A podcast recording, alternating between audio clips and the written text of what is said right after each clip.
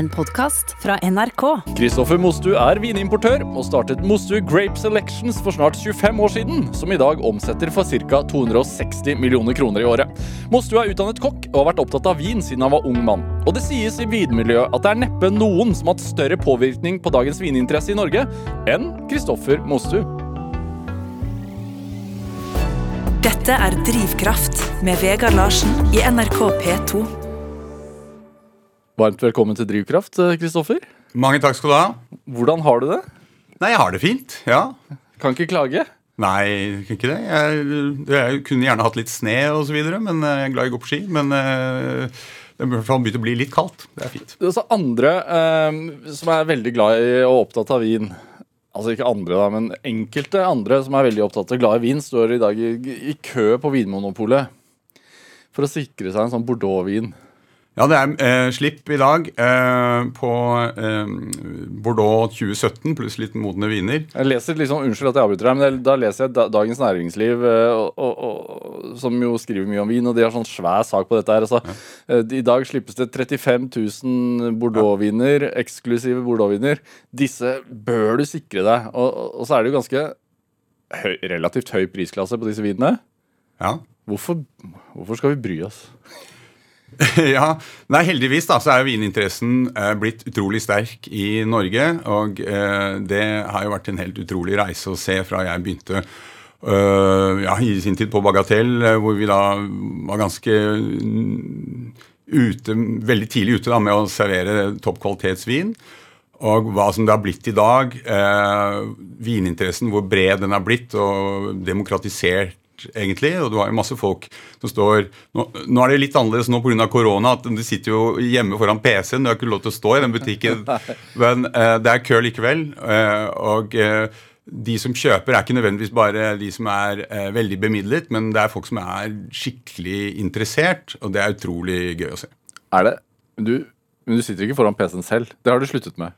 Å uh, oh, nei, nei, nei. Jeg, jeg, det er uh, mange av de uh, vanskelig å få tak i vinene som du gjerne Ja, for å få de, så må du sitte foran PC-en selv. Så det Så du gjør det selv om du ja, er ja, ja. Det er jo ikke alltid jeg kan ta inn selv som jeg har lyst på. Da. Så, så, så nei, det gjør jeg. Ja. Hva var det siste du var liksom prøvde å få tak i, som gjorde deg glad at du fikk i nevene, holdt jeg på å si. Ja, nei, det, det, var jo Jeg har ikke sittet i dag morges så mye, men eh, det er ikke mer enn eh, november eh, slippe, så var det noen gode ting som man måtte sikre seg. Litt Burgund og, og kanskje en champagne eller to. Så ja.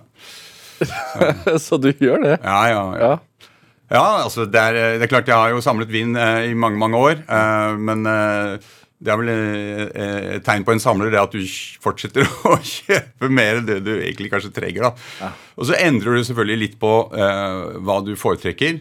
Det jeg likte best når jeg var uh, noen og tyve, det er ikke nødvendigvis det jeg er aller mest opptatt av i dag. Uh, men mye av det jeg startet med tidlig, er jeg jo like interessert i.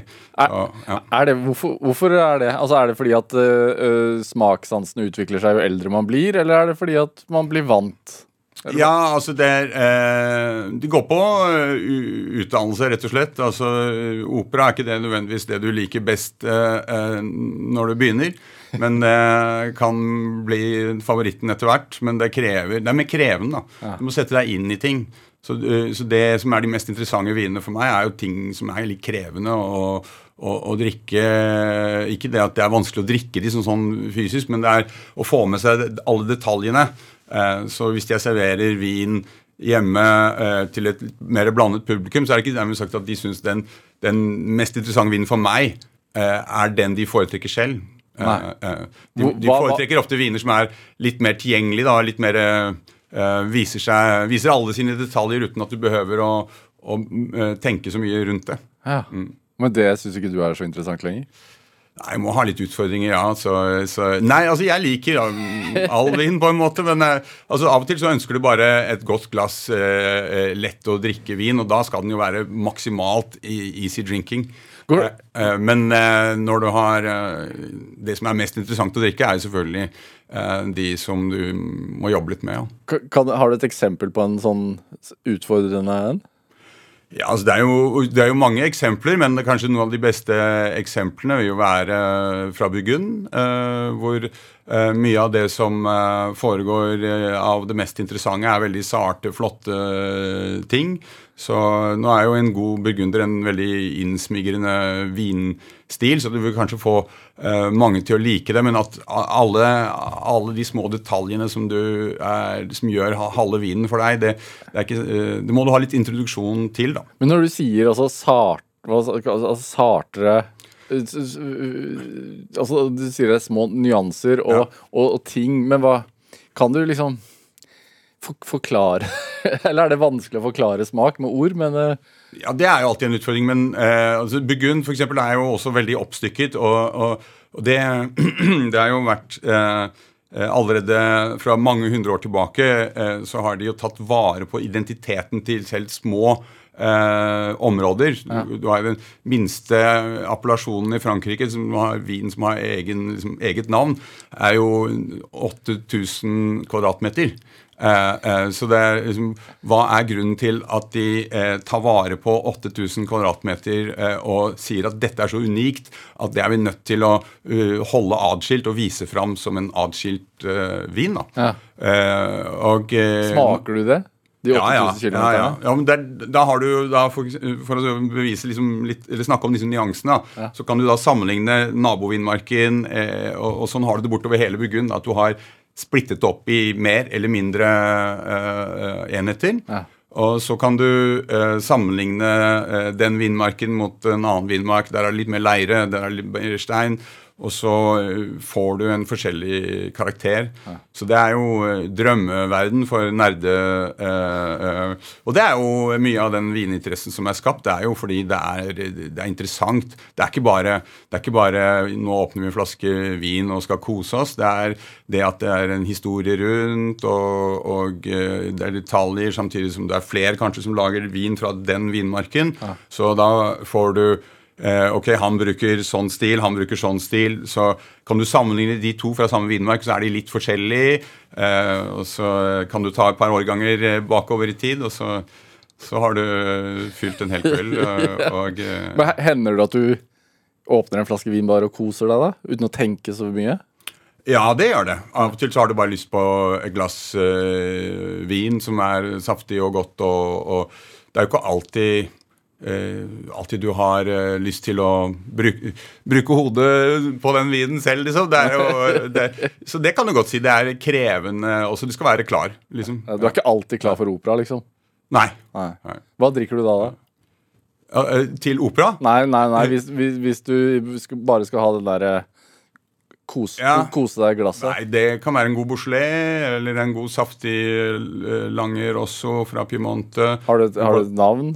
Ja, altså vi jobber jo med en produsent som heter Vaira, som er uh, en av mine favoritter. Uh, så hans langer også er veldig juicy og enkel, og, og, og ikke minst også en god vin. Altså den, den fanger begge deler. da. Den er easy drinking, men den har også litt ekstra. Sånn at du liksom tilfredsstiller hodet ditt uh, likevel. da. Best av to verdener. Ja. Dette er Drivkraft med Vegard Larsen i NRK P2. Og i dag er eh, vinimportør Kristoffer Mostu her hos meg i Drivkraft på NRK P2. Brøt du egentlig reklameloven nå? Jeg ble invitert. så da tok man sjansen, ja. Ja. Så, ja, ja. Nei, men eh, jeg kan legge til det at en annen vin som jeg drikker mye av, som jeg er veldig glad i og blir, Det er kanskje om jeg kan få lov til å si det, da, eller om det er, det er kanskje farlig å si det, men det er den eneste vinen, vin, ja, vinen som, som jeg alltid har vært interessert i, men som jeg bare føler at jeg drikker litt mer av etter hvert, uten at det er noe problem sånn sett. Da. Men eh, det er champagne. Ja. Og det er også sånn eh, at du kan Nei, nå har jeg lyst på ett glass champagne. Eh, og da skal du ikke være redd for å si ja, men da åpner jeg en flaske eh, med champagne. Fordi du, har en sånn, du må ha en champagnestopper, da. Så kan du holde den i flere dager eh, eh, i kjøleskapet eh, levende. Fordi det er masse CO2 i den, så den beskytter mot oksidasjon. da. Ja. Så den må vare lenger i kjøleskapet Ja, ja. Så tre dager er ikke noe problem. Eh, så, så det er Så man må ikke nødvendigvis ha noe å feire for å åpne en Nei, det er, champagne? det er, nei, da hadde man ikke drukket så mye champagne, holdt jeg på å si. Det er, men nei, altså jeg, det er mange år siden allerede, men det er, eh, plutselig tenker du på Ja, jeg har lyst på et glass champagne i dag. Ja, Men det er jo mandag. Eh, eh, kan ikke, kan ikke åpne eh, Jo, men jeg har jo egentlig lyst til det, så hvorfor kan jeg ikke det? Jo, så åpner en flaske champagne på mandag. Ikke dermed sagt at du drikker den opp, men Når da? så, eh, Når, når, det var da? en når, det når på mandag, lurer jeg på da. Når på tidspunkt, tidspunktet? Ja, ja. Nei, det var jo selvfølgelig etter at du kom hjem fra jobb osv. Men eh, champagne er jo en drikk som også er veldig god til tidligere på dagen, hvis du først eh, skal ha et glass. eh, eh, så, så mandagssjampanje, det er en bra ting. Feire starten på uka. Ja, ikke minst. Ja. Så, eh, Petter Stordalen mener jo det at mandag er den beste dagen. ja, ja. Så, Men altså Som ett glass champagne, ja. Men er det bra til mat? Det er ikke det. jo, jo. jo, jo. Du, champagne. Du har masse forskjellige stiler. Det er det som er helt utrolig med champagne. At du har uh, noen veldig lette, elegante ting som er mer aperitiff. Og så har du ting som er mer dypt og rikt og, og, og kraftigere.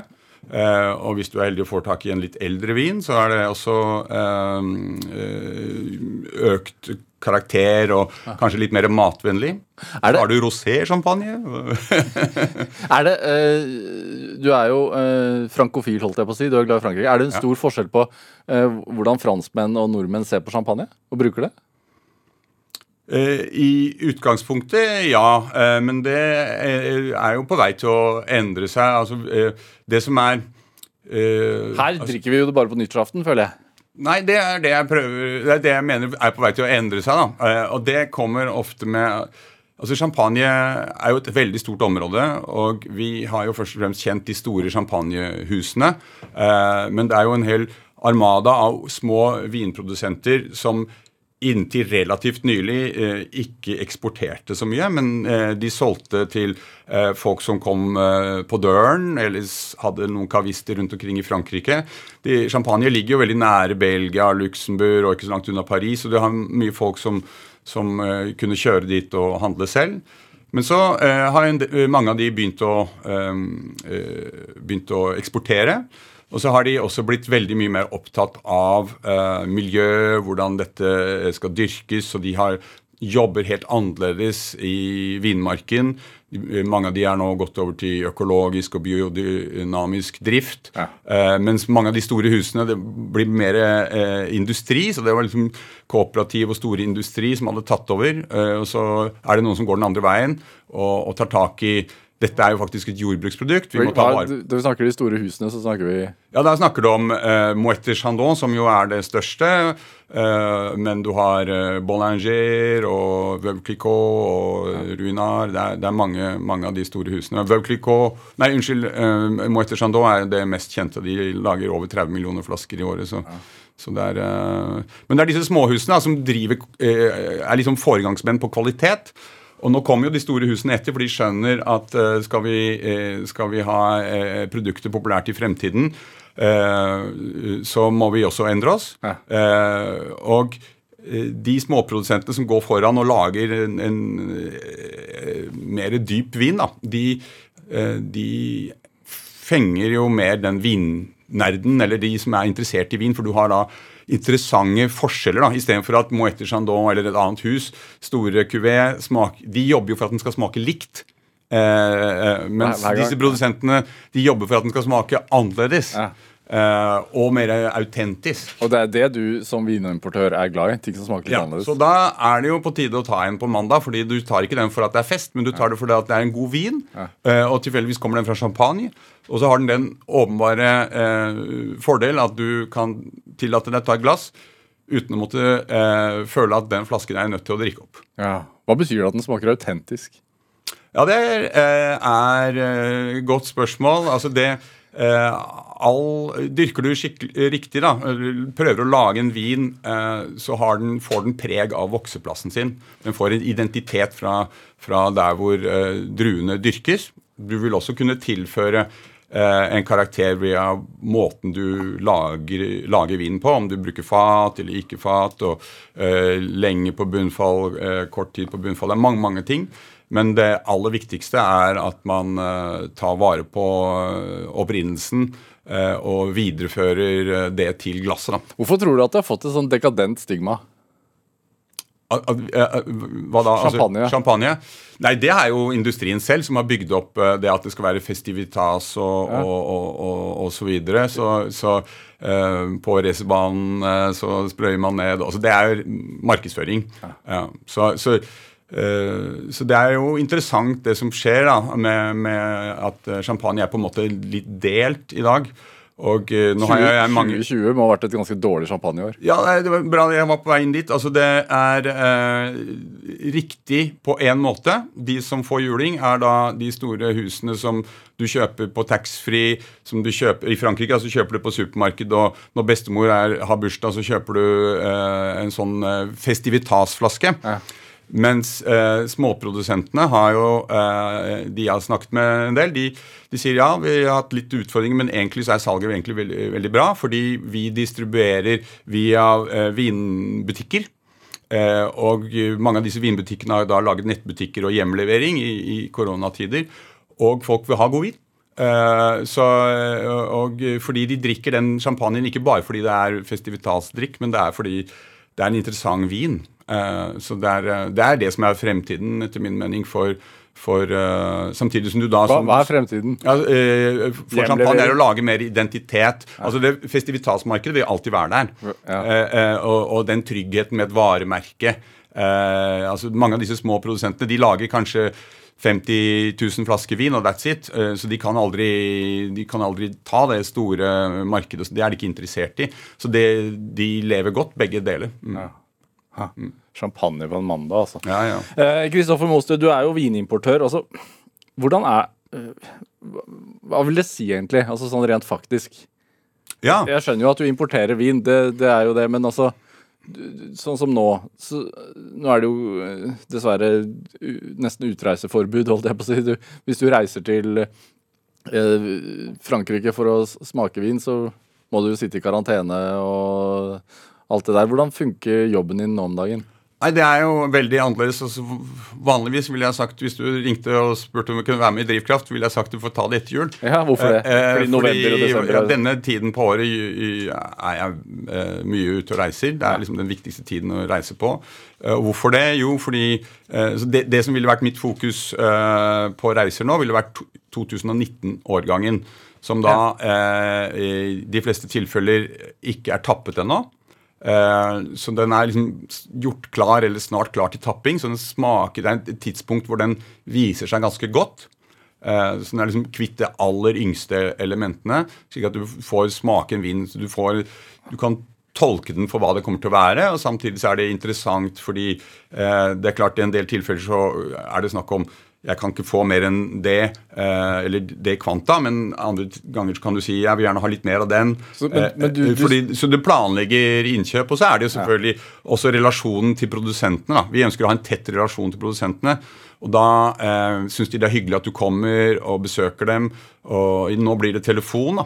Eh, så, så, også er det Det er interessant. Det er mange av de som har nå eh, sendt opp vareprøver til oss. Og gjerne produsenter som, som eh, vanligvis ikke Hvor det er vanskelig å komme til å få besøk, liksom. Så har de sagt Nei, men vi sender deg gjerne vareprøver. De er jo opptatt av at uh, den kommunikasjonen som vi har, det er viktig. Men hvordan foregår et sånn vinbesøk når du får lov til å reise, da? Altså, Ja, altså er, uh, Min agenda er stort sett veldig full. Det, det har som regel det første møtes senest av halv ni. Så ofte klokken åtte kanskje begynner.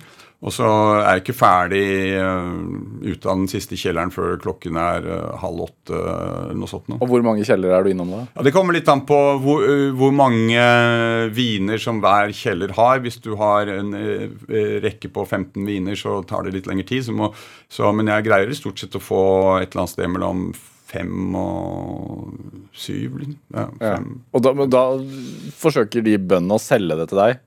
Nei, altså når, jeg snakker om, når vi snakker om det, det, er- det er Burgund der hvor det er små øh, avstander. Ja. Eh, og eh, hvor du jobber med mange produsenter for å få eh, nok vin. da. For du får aldri Ikke aldri, men du får i mange, de aller fleste tilfellene så får du ikke det kvantet som du kanskje aller helst ville ha. Så du er også der eh, på en måte si ok, kan vi få litt mer av den til neste år? Eh, og, det er alltid mulig å, å gjøre noen justeringer. hvis du ikke du besøker de og tar liksom det sosiale eh, relasjonen, så eh, er det vanskelig å få den der ekstra eh, kassen eller to. Altså, du, og så skriver du da kontrakt på Ja, det ja, du, Har du enerett da i Norge, eller? Ja, det vil være det vanlige på, på, på sånne små produsenter. Ja. Mm. Hvor mange liter snakker vi om som van, altså, fra en liten produsent? Ja, det er, det er eh, Noen av de er ikke engang en liten pall, på en måte. Så, eh, så det, er, det, er, ekstreme tilfeller. da, Ellers så prøver vi å ha i hvert fall én pall med, med, med, vin. Så hva er en pall? Det er kanskje 480-500 eh, flasker. da. Ja. Men vi har jo produsenter hvor vi får kanskje bare ja, ikke engang 100 flasker i året. Mm. Oi. Uh, så, så, men uh, de, og de er det jo sånn Det er eksklusivt, da? Uh, ja, det er eksklusivt. Ja. Så det er Ja, skal vi ikke bare snakke om champagne, men en av våre champagneprodusenter hun er på vei til å pensjonere seg, så hun har jo da mindre og mindre vinmark. og jeg tror vi fikk 72 flasker eller noe sånt nå siste skipning. Ja. Så, og jo færre flasker, jo dyrere? Ofte? Ja, i hvert fall mer eh, ettertraktet. Hun har ikke satt opp prisene så veldig, men eh, det er klart eh, ja. Nei, men, i, du, men, du, kan jo sette de opp. Nei, vi, vi, vi, prøver å respektere en fast formel, egentlig. Så det er klart at det er noen viner du er litt mindre nøye på enn andre. Men jeg, jeg tror vi har godt rykte på oss når det gjelder at vi tar fornuftige priser. Uh, og i mange tilfeller, hvis du sammenligner internasjonalt, så er vi jo langt under, under prisene. Er det, hvorfor har nordmenn blitt villige til å betale mer, tror du, for vin?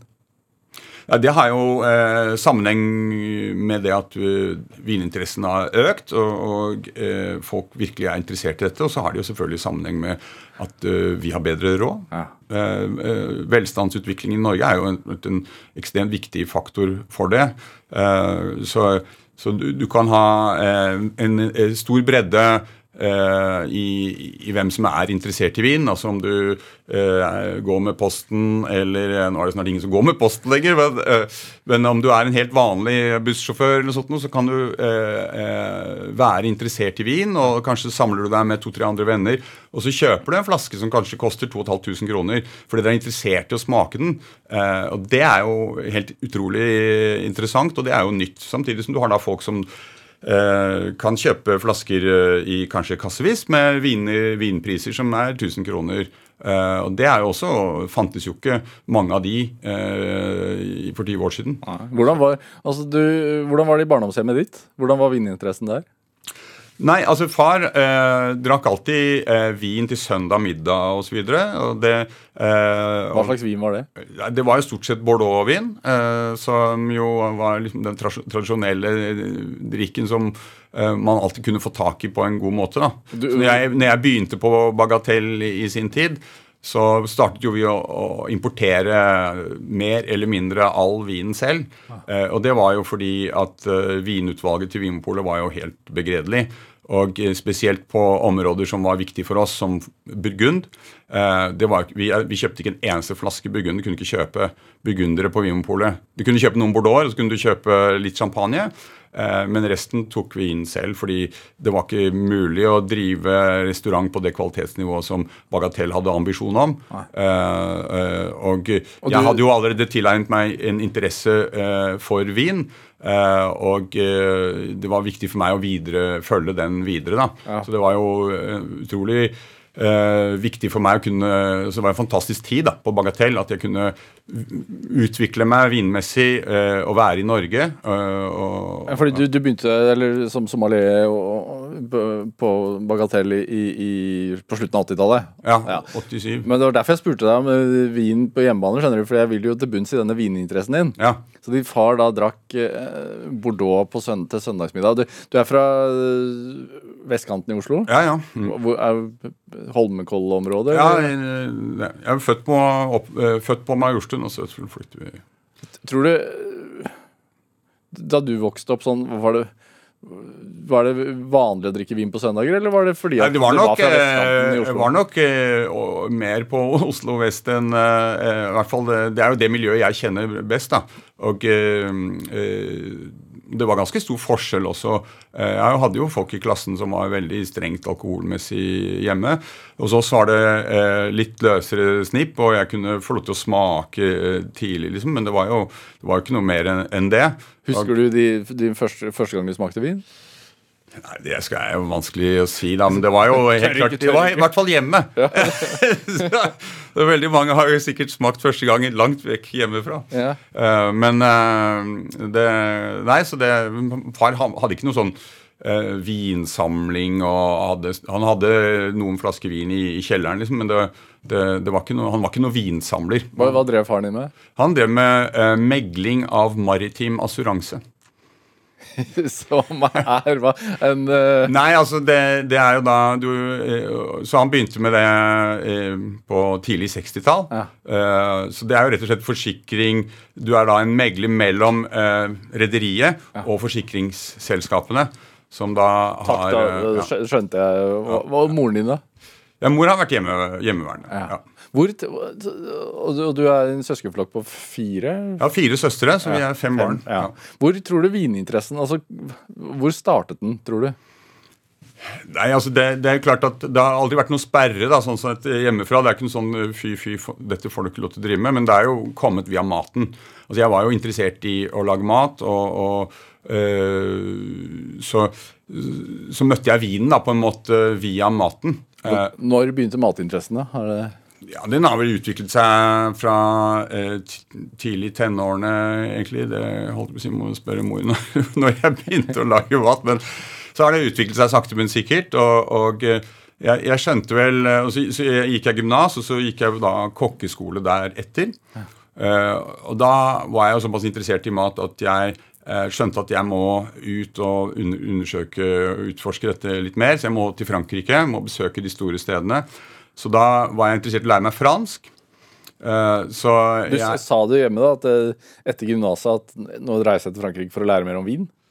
Eh, nei, altså da, da eh, var jo Altså vi snakker eh, Jeg hadde bestemt meg for å begynne på, på eh, kokkeskole, så jeg gikk vel da på kokkeskole fra 83, i begynnelsen av 83. Eh, men da hadde jeg året før eh, møtt eh, en, eh, en venn av meg som da var interessert i vin. Eh, og eh, så, ble vi enige om at vi kunne reise til Neste sommer så reiser vi til Frankrike. Og så gjorde vi det. Og da var han mer interessert in, i vin enn mat. Og så allerede første dagen eh, Vi tok da Kiel-fergen ned, og så kom vi oss ikke lenger enn til eh, Heidelberg, tror jeg, i, i Tyskland. Vi plukket opp litt haiker og vi hadde det moro. Eh, og så, så vi bodde hos de da i Heidelberg. eh, og, Hos haikerne? Ja, ja. Eh, eh, eh, så, og så typisk da, Med min venn Emil eh, så går vi litt rundt i Heidelberg og så sier er ikke vi litt sultne da? Jo, vi er litt sultne. Og så Den nærmeste restaurantdøren var jo selvfølgelig den dyreste restauranten i Heidelberg. Um, eh, men eh, så eh, da sier han eh, Kristoffer Da har vi bestilt en flaske vin, vi hadde bestilt mat. Og så sier han Kristoffer, vi må bestille en flaske vin til. Ja, men vi har ikke drukket opp den første, så kan vi ikke heller vente og se. Nei, nei. Og jeg var litt sånn økonomisk og sier Ja, men kan ikke nei, men Ikke tenk på penga, Kristoffer. Er, jeg betaler. Men nå, vi, skal smake, vi skal smake. Vi skal sammenligne. Det er to forskjellige viner. Så kjøpte, han, kjøpte vi da eh, samme årgang, samme produsent, men en annen druetype. Rød eller hvitvin? Det var hvitvin. Og, eh, så Den ene var Riesling, den andre var Gewürztraminer. Og, og da var det sånn Wow, dette er jo helt annerledes. Og noe, eh, Den ene funket bedre til den maten, og den andre til den andre retter. For det var første gang dere hadde gjort noe sånt? Eller i hvert fall ja, du? Ja, ja, ja. Og så reiste vi da tre uker sammen i, i Frankrike. Og eh, da var jeg jo helt solgt. Så siden det så ble det vin. ja. For hva var, det Altså Du ante ikke at det kunne være så forskjellig smak? Da, eller hva Nei, var det som var nei, jeg visste ikke det. Nei. Og så var jo det møtet mellom maten og vinen var jo Så det var jo det Det trigget alle, alle plugger, da. Så, så, det, så jeg eh, har vel egentlig skjønt via vinen hvorfor jeg begynte med å lage mat.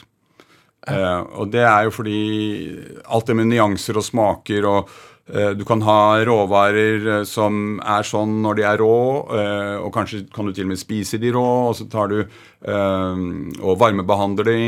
På den måten så forandrer de karakter, og så setter du det sammen med sånn og sånn andre elementer, og så bygger du et smaksbilde, da. Og, og så har du teksturer, konsistenser. Eh, så Det er sånn puslespill. Jeg har aldri vært noe flink til å tegne, eller noe sånt, men dette med mat fikk jeg liksom til Jeg kunne, kunne kreere noe, jeg kunne lage noe. Eh, og så kan du lese en oppskrift der, og så kan du få noen tips der, og så tenker du ja, hvis jeg gjør litt mer sånn, kanskje prøve det. Eh, ja, det funka. Eh, så det legger du da til en, en egen personlig touch kanskje til, til eh, et eller annet. Eh, ja. Så bidro det til at du følte mestring, da? Ganske tid, altså på Ja, en annen ja, det måte. kan du si. Ja, ja. Hvor, hvor vesentlig var det altså, så jeg tenker Når du da reiser til eh, Tyskland og videre nedover til Frankrike i starten av 80-tallet, og, og vin er jo da i Norge en litt sær ting, eller? Ja, det var jo eh, det var ikke så veldig mange vinbøker som du kunne kjøpe når du gikk ned til Tanum på Karl Johan. eh, Det var jo noe, da. Men eh, eh, så eh, og Det var jo lenge før du hadde eh, internett og Amazon og whatever. Så, så eh, det, det var jo Du måtte jo jobbe litt for å tilegne deg kunnskapen, da. Men hva var det som gjorde at du tenkte at av alle ting så er det det jeg skal liksom fatte interesse for? Ja, nei, det kom fra eh, Det er det som er drivkraften, da. Det kom Jeg kan ikke forklare det, på en måte. Det er, det er bare et faktum. Så jeg måtte bare følge den uh, passion. Jeg var en utforskertrang. Ja. Ja. Så, så, jeg, så det var jo da jeg begynte å reise mye, da. Fordi eh, ikke sant, du var begrenset med Ikke var det noe vin på Vinmonopolet, som- noe bredde som var noe interessant. Du kunne ikke gå på Vinmonopolet og så Hadde man ikke sånn, noe som het norsk vin? bare? i- Jo, jo, jo. Hva var det? Nei, det Norsk rødvin? Ja. Det, det, jeg tror ikke vi skal gå den veien. Så eh, eh, den eh, eh, Men så du måtte reise, da. Så du måtte reise ut. Ja. Eh, og det, det eh, det lærte, var det jeg lærte mye av. Da lærte jeg også språket. Du kunne bibeholde fransken. Eh, og så, så ja, så det jeg jo lært mye om vin ved å snakke med folk. Og jeg husker de første, Da var jeg jo fortsatt, fortsatt student i Dijon for å lære fransk.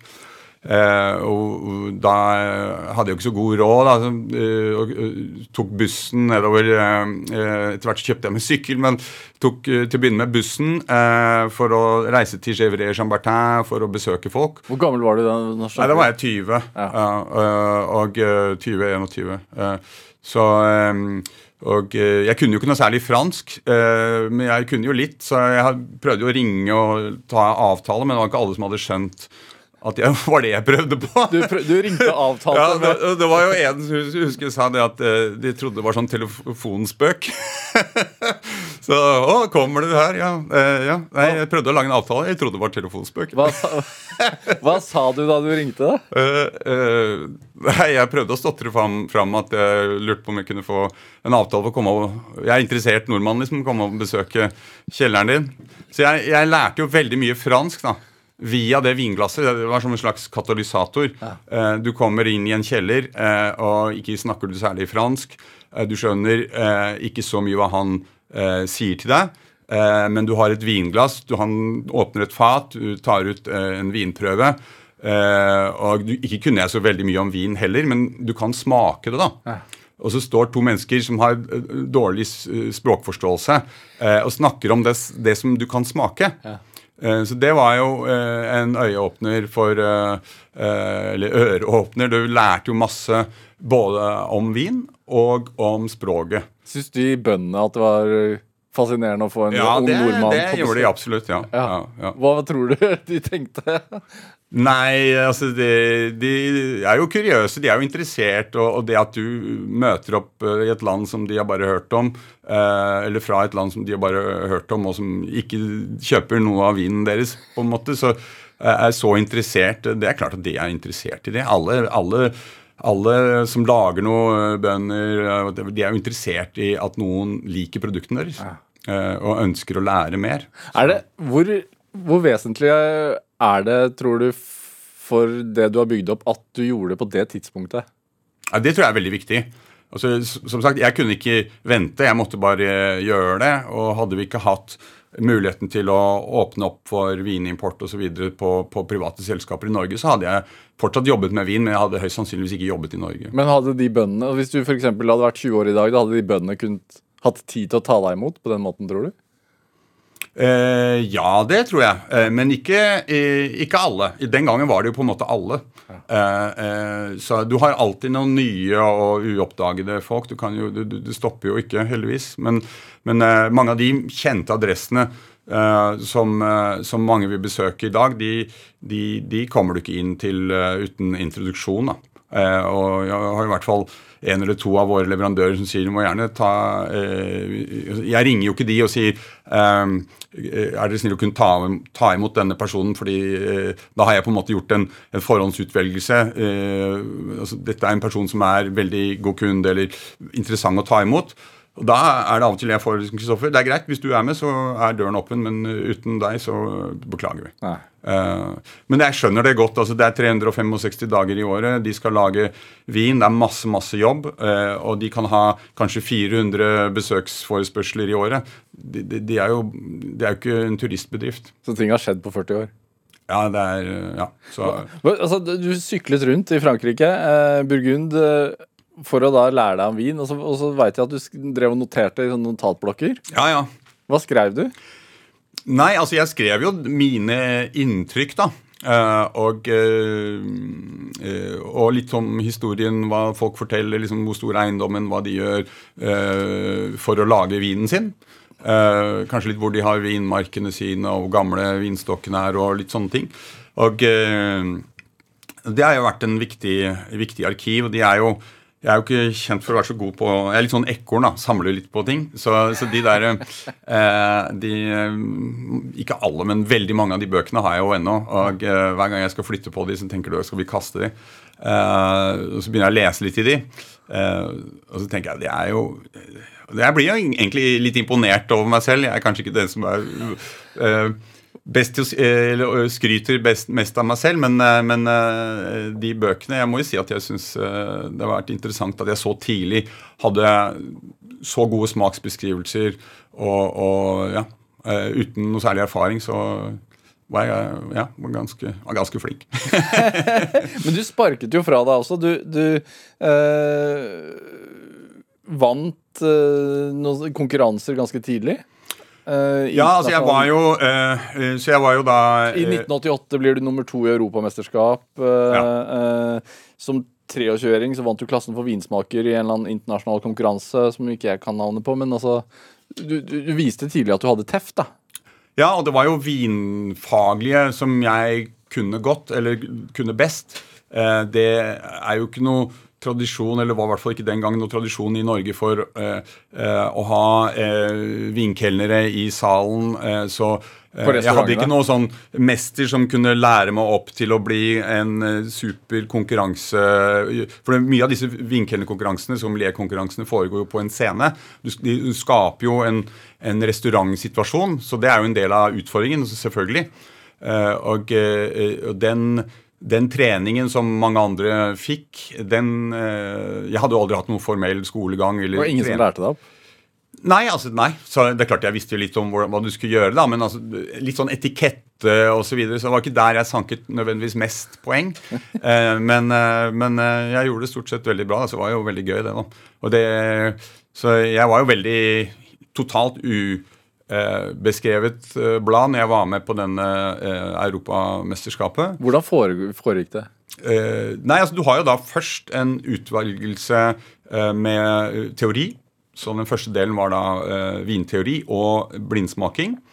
Og så går de beste derfra videre til den praktiske finalen. da. Og det Jeg var jo veldig overrasket uh, at mitt navn kom opp uh, på det. Jeg, så da ble jeg litt sånn wow. Uh, jeg skal være med i finalen, liksom. Det, Hvor var dette? her? Dette var i, i Champagne. Ja. I kjellerne til et champagnehus som heter Ruinard.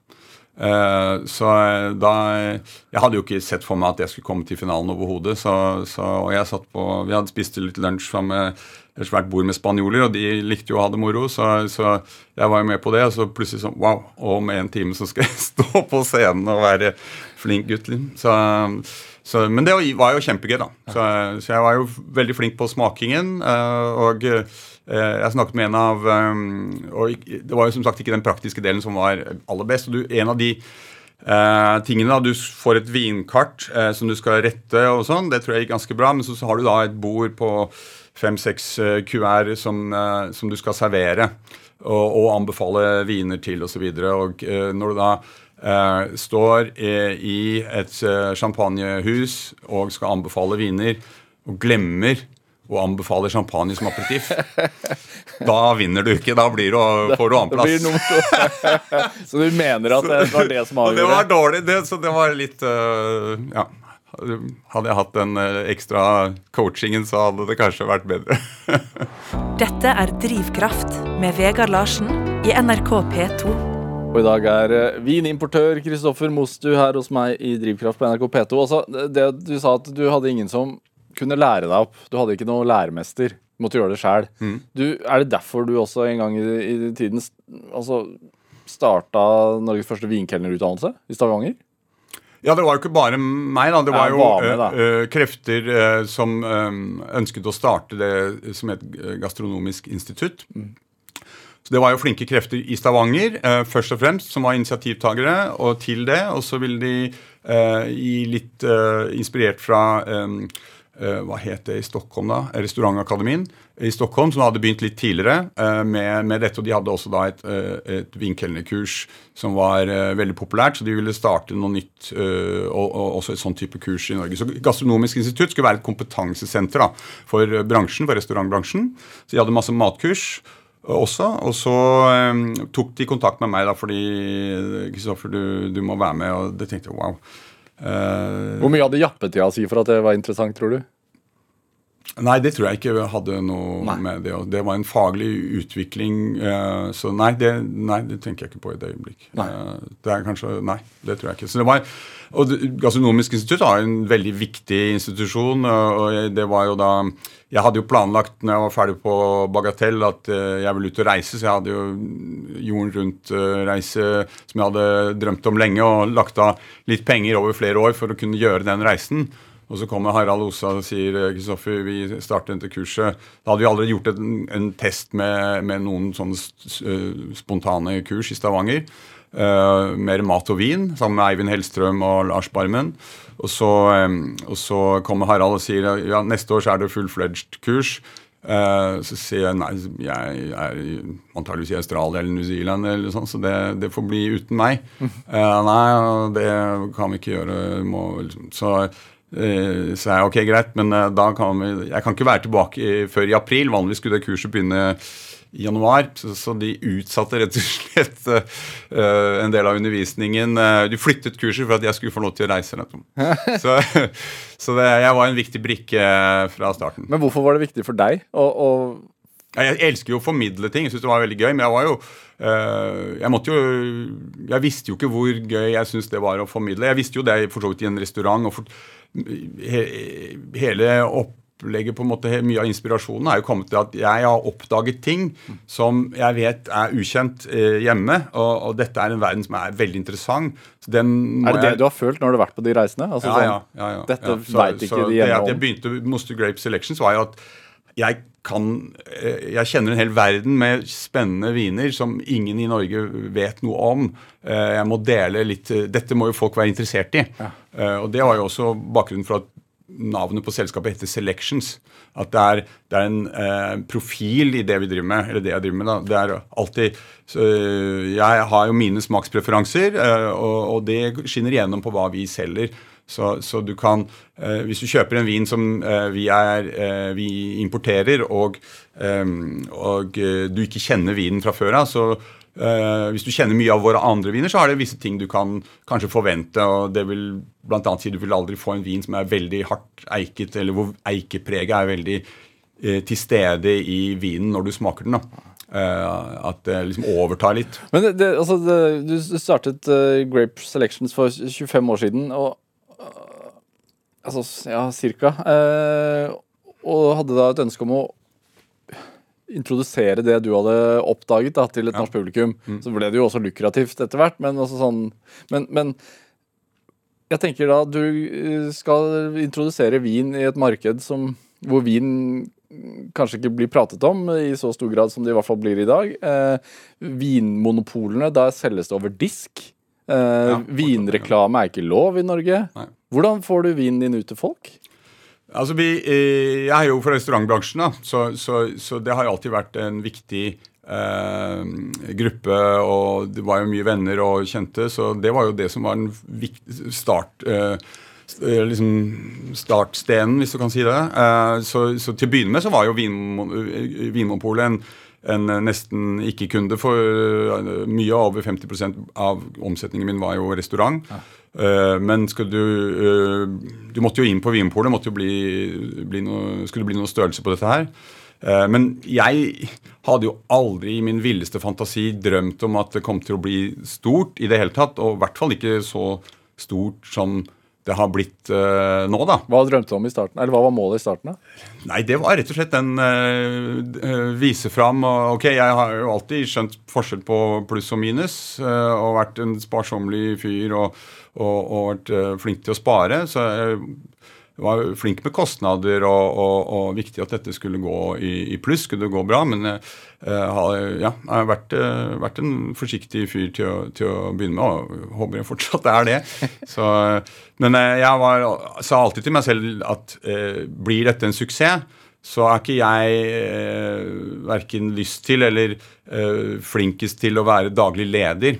Eh, så jeg vil være produktnær. Det er der jeg er, best. Så i dag så er det jo et stort team, og det hadde jo ikke vært mulig å drive Moster Grape Selections eh, til den størrelsen det er i dag, hvis jeg ikke hadde hatt et veldig veldig godt team rundt meg. da. Så, så, jeg har god partner i Inge Hilland, som er eh, daglig leder og har vært det lenge nå. og Uh, Han er kjempeglad i å gjøre det, og jeg er glad i å være den faglige biten. Så, så det, det, det, funker utrolig bra. da. Ja. Mm.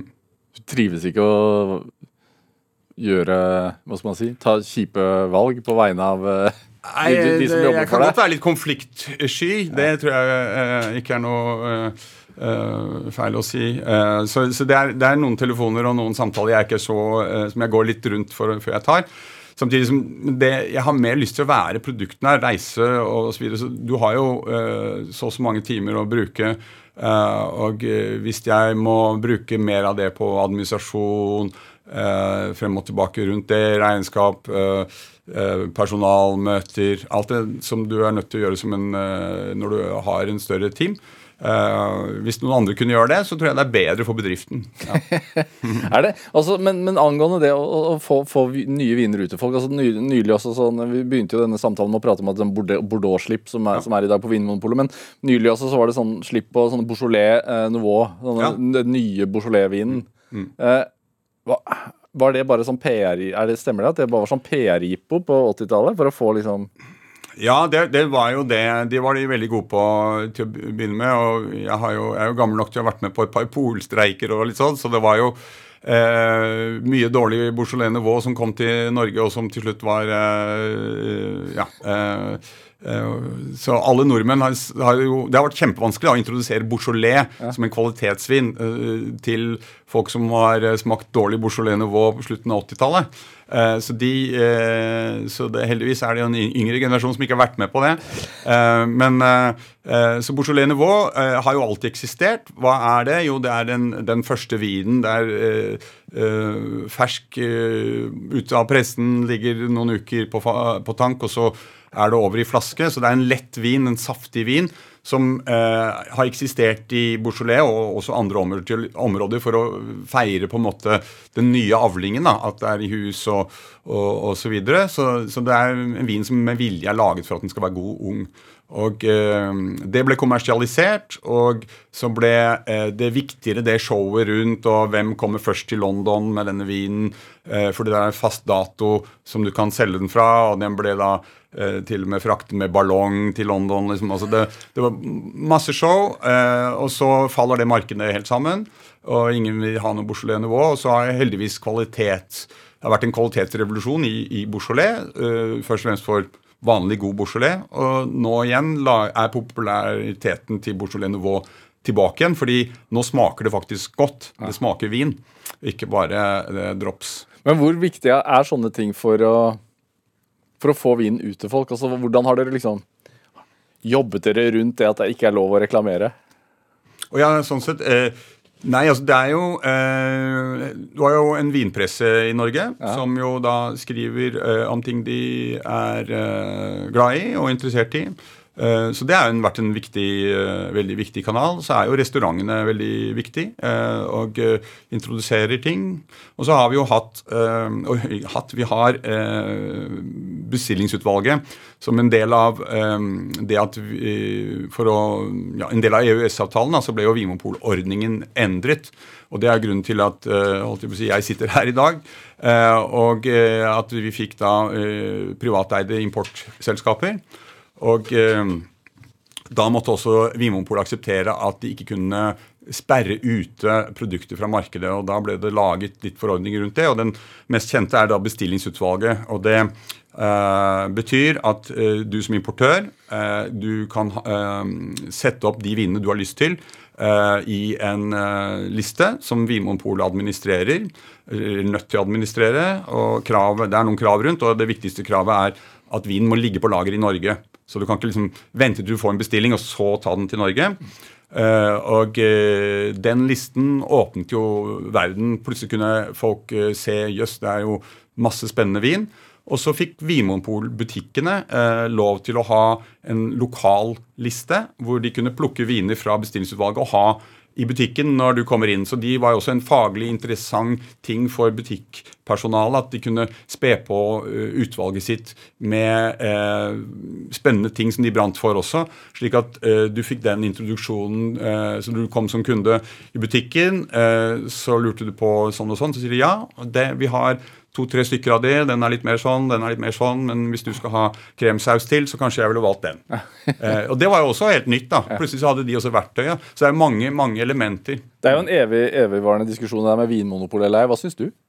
Nei, altså Sånn som det funker nå, så er det veldig veldig bra. Men det er klart, eh, i 1996, når dette skjedde, så var jo Vinmonopolet ikke på en måte forberedt til uh, markedet. at uh, det, de, de, var ikke der på det faglige nivået. Uh, så, så, da var vi jo fortsatt i en litt sånn fortvilt situasjon. Men i dag så det, funker det veldig bra. Vi har fått spesialbutikkene.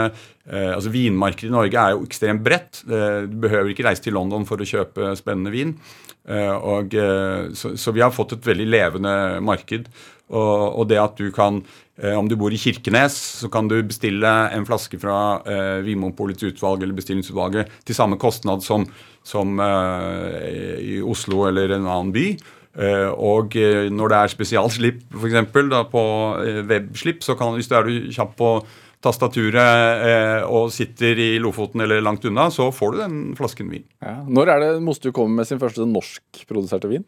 Wow, ja, nei, Det er jo spennende tider med, med at du etter hvert kanskje kan eh, Men det tror jeg blir, eh, det blir neste generasjon som uh, kommer det. da. Men, neste generasjon Moster? Ja. ja, ja, vi får se. Da. se hva, det, hvor kjapt det går med den globale oppvarmingen. Si. Ja, altså jeg håper jo, eh, det må jeg jo si, at jeg håper jo at det tar lang tid til, til det kommer norsk vin. da. Kristoffer ja. Moster, hva tenker du er, er drivkraften din nå? Nå har du jo introdusert eh, nordmenn eh, for den vinen du oppdaget en gang i tiden? Ja, altså Det stopper ikke, den drivkraften. Jeg har jo egentlig mest lyst til å være uh, ute og reise mer enn det jeg gjør. Det, men det er klart at det, det er, du har bedrifter som skal uh, ha uh, oppmerksomhet, og så har jo familie hjemme. og barn på skole og litt sånn, så det er jo eh, begrenset eh, hvor mye du kan reise. Og veldig heldig at jeg har eh, en kone som, som aksepterer og syns det er greit at jeg Eller hun vet at det er veldig viktig, så hun, hun tilpasser, familien tilpasser seg til at ok, nå er jeg ti dager borte i Burgund. så, så det er jeg veldig takknemlig for. Ja, hvor mye vin kommer du hjem med da? Kvoten sin? ja, jeg tar jo, tar jo, som regel med litt vin, men altså det, det vinutvalget i Norge er jo såpass eh, bra nå at eh, jeg må ikke ta med vin hver gang jeg reiser. Nei. Vi nærmer oss jo eh, desembermåned og julemåned og sånne ting. Er det, eh, jeg tenker sånn Mange spiser ribbe. Hvis, vi skal noe, hvis vi skal ha noen vintips helt på slutten av denne timen ja. Så, nå må du være litt forsiktig. Da må til ribbe og pinnekjøtt. Hva, hva, hva, hva, bør man drikke? Ja, Pinnekjøtt har jeg ikke så stor erfaring med, men jeg har en god eh, eh venn og kollega som driver eh, Kolonialen restaurant, Pontus, som jo også jobbet hos oss i, i sin tid. Eh, han har eh, Bordeaux, rød bordeauxvin til pinnekjøtt. Det funker veldig bra. Jeg har prøvd det et par ganger. Det er veldig godt. Fordi at det er litt sånn ja, altså du, du trenger eh, Altså det er litt fett, eh, ikke sant? så du trenger en, en, vin som er litt syrlig og har en litt, litt uh, tanninstruktur til å matche det, det fettet. da, Og så funker bordeaux-aromasmakene til, til uh, lam. Um, og til ribbe så, så er det jo mange, mange ting du kan bruke. Mange har jo utforsket etter hvert Riesling, som funker. hvis du har en moden, litt kraftig champagne, så kan det også funke. veldig, veldig bra. Det har jeg prøvd. Det funker. Uh, og, uh, men ikke en uh, rødvin går også fint. en syrlig toskaner med en Sangiovese-basert. og jeg har også brukt en, en, ikke for kraftig og tradisjonelt laget Barolo, som har litt av den der, som ikke er for kraftig. Ja, det er litt moden. En syrlig, fin, bare behagelig tanninstruktur. Ja. Så, så, du har, har mange muligheter. Hva spiser du selv, da? Vi spiser tradisjonelt eh, sett eh, ribbe. Eh, og så har jeg pleid å ha en, en leverandør som har utegående svin osv. som har levert ribbe. Og så var det et år han ikke kunne, eller han hadde regna litt feil på ribbesidene sine. Så, så, det, så, da, hva gjør vi da? Jo, så da kjøpte jeg and. og det ble jo kjempesuksess. Ja. men tradisjonen har innhentet oss at familien sier Kristoffer, det blir ikke and. det blir ribbe. det blir ribbe. Men er det da er det øl eller vin på deg? Eh, til eh, ribben? Ribben? Ja, nei, det blir vin. Kristoffer ja. mm. Moster, tusen takk for at du kom hit til Drivkraft. Mm. Hør flere samtaler i Drivkraft på NRK på nett, eller last oss ned som podkast. Send oss også gjerne en e-post med ris og ros eller tips til mennesker du mener har drivkraft. Send en e-posten til drivkraft, drivkraft.krøllalfa.nrk.no. nrk.no. Produsent i dag var Kjartan Aarsand. Ellen Foss Sørensen bidro også sterkt til denne sendingen. Jeg heter Vegard Larsen. Vi høres. Du har hørt en podkast fra NRK. Hør flere podkaster og din NRK-kanal i appen NRK Radio.